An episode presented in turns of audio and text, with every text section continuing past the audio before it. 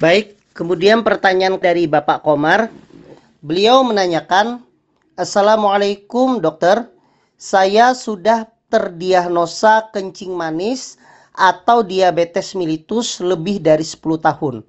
Dan sampai sekarang saya rutin meminum obat-obatan dari dokter.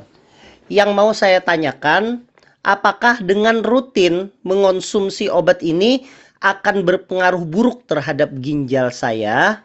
Baik, terima kasih Pak Komar atas pertanyaannya. Jadi begini, saya berbicara dulu tentang masalah diabetes mellitus atau kencing manis.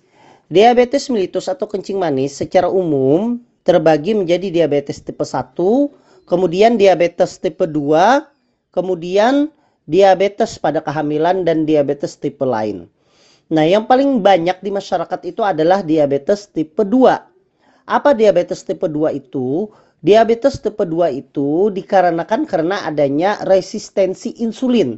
Jadi insulin atau hormon insulin yang ada di dalam tubuh kita itu bekerja tidak maksimal dalam memasukkan gula ke dalam sel. Sehingga gula banyak sekali di luar sel tidak terpakai sehingga gula darah menjadi naik. Nah, resistensi insulin ini disebabkan karena apa? paling sering disebabkan yang pertama karena kegemukan. Itu yang pertama. Kemudian yang kedua karena faktor umur. Kemudian yang ketiga juga terjadinya penurunan produksi insulin dari pankreas, sel beta pankreas yang memproduksi insulin tersebut. Baik, DM tipe 2 itu terapinya ada beberapa macam.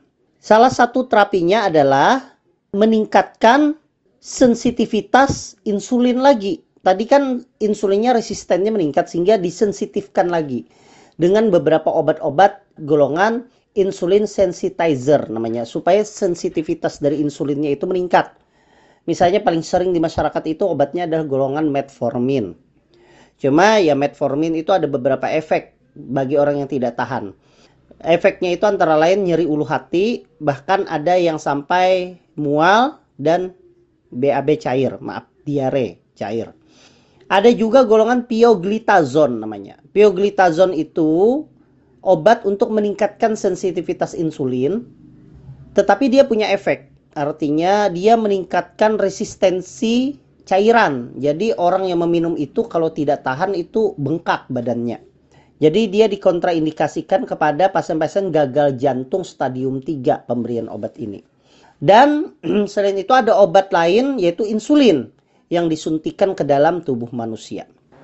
Apa tujuannya pemberian obat tersebut? Tujuannya adalah untuk menormalkan gula darah sesuai dengan target. Berapa gula darah yang normal sesuai target? Maka dilihat rata-rata gula darah itu selama tiga bulan. Pemeriksaan gula darah untuk melihat gula darah itu normal apa tidak selama tiga bulan. Nama pemeriksaannya itu adalah HbA1c. Jadi HbA1c itu adalah melihat rata-rata gula darah selama 3 bulan. Berapa targetnya? Bermacam-macam. Target di Indonesia sesuai dari panduan Persatuan Endokrinologi seluruh Indonesia itu adalah kurang dari 7. Kalau di negara-negara maju di Eropa ataupun Amerika targetnya adalah kurang dari enam setengah. Sedangkan pada orang usia di atas 60 tahun targetnya itu dilonggarkan menjadi 7 sampai 8 setengah. Bahkan pada usia yang sudah sangat renta tidak terlalu strict lagi untuk menurunkan kadar HbA1c. Baik, kenapa saya berbicara HbA1c? Ternyata dalam penelitian HbA1c yang tinggi itu merupakan prediktor atau merupakan suatu prediksi kerusakan dari organ-organ akibat dari gula darah. Apa saja kerusakan yang terjadi? Kalau dia di mata bisa menyebabkan retinopati atau kerusakan retina sehingga mata menjadi kabur penglihatannya. Kalau dia di ginjal, dia bisa menyebabkan kerusakan dari nefron, yaitu suatu bagian penting untuk menyaring e, darah menjadi urin di ginjal. Sehingga kalau itu rusak bisa menyebabkan orang jatuh ke dalam penyakit ginjal kronik. Kalau dia di pembuluh darah jantung, dia bisa menyebabkan penebalan. Sehingga bisa menyebabkan kerusakan, terjadinya penyumbatan, sehingga menyebabkan penyakit jantung koroner. Kalau dia di otak pembuluh darahnya, dia bisa menyebabkan stroke. Kalau dia di kaki bisa menyebabkan penyakit arteri perifer yang menyebabkan kaki menjadi luka atau kaki menjadi menghitam, ujung-ujungnya menjadi diamputasi. Nah, jadi penting sekali untuk menurunkan HbA1c. HbA1c yang turun itu juga akan menyebabkan prediksi terhadap kerusakan itu menjadi menurun. Nah, bagaimana caranya supaya HbA1c itu menjadi normal? Tentunya untuk menormalkan itu adalah orang yang menderita diabetes mellitus diharuskan untuk mengonsumsi obat-obatan secara rutin. Kalau seandainya minum obat-obatan diabetes mellitus atau menggunakan insulin tidak rutin, yang terjadi adalah gula darahnya naik turun. Kadang naik, kemudian bisa turun lagi karena tidak rutin. Akhirnya apa yang terjadi? HbA1c menjadi tinggi.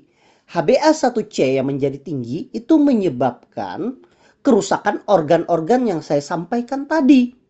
Tapi kalau orang meminum obat secara rutin sesuai dengan instruksi dokter, justru HbA1c yang akan turun itu menyebabkan organ menjadi tetap terpelihara. Sehingga saya balik, orang yang mengonsumsi obat-obatan rutin, terutama obat diabetes mellitus, justru akan memelihara ginjal. Karena akhirnya gula darahnya menjadi stabil. Jadi obat-obatan itulah justru untuk memelihara ginjal tersebut. Kalau tidak minum obat, justru HbA1c akan tinggi sehingga organ-organ yang menjadi target itu menjadi rusak, justru akan menyebabkan kerusakan ginjal. Jadi pola pikirnya kita ubah justru dengan obat-obatan, maka organ-organ tadi salah satunya adalah ginjal menjadi terpelihara seperti itu. Lantas pertanyaannya, amankah diminum setiap hari? Nah, itulah manfaatnya di Indonesia itu ada namanya BPOM, Balai Pengawas Obat-obatan dan Makanan. Nah, itulah mereka melakukan penelitian. Oh, kalau obat misalnya obat gula darah dosis segini dengan dosis maksimal segini kalau diminum setiap hari itu normal. Itu masih memungkinkan kalau dosis di atas segini itu akan menyebabkan toksik, akan menyebabkan kerusakan. Nah, selama orang itu mengonsumsi obat sesuai dengan indikasi yang ada, sesuai dengan dosis yang ada, maka insya Allah orang tersebut akan aman. Jadi begitu jawaban saya. Semoga ini bermanfaat Pak Komar. Uh, jadi jangan ragu lagi. Selama gula darah Bapak normal, minum obat itu maka itu justru akan bermanfaat jadi tetap saja dilanjutkan dan tetap berobat apalagi Pak Komar udah bilang tadi e, sudah menderita gula darah lebih dari 10 tahun minum obat rutin itu membuktikan bahwa Pak Komar itu 10 tahun tetap sehat dengan minum obat-obatan. Bayangkan ada pasien saya yang baru terdiagnosa 1 sampai 2 tahun tapi karena dia tidak berobat rutin, gula darahnya terlalu tinggi, akhirnya yang terjadi adalah dia terkena penyakit ginjal kronik dan harus cuci darah secara rutin. Jadi begitu, semoga bermanfaat bagi kita. Wassalamualaikum warahmatullahi wabarakatuh.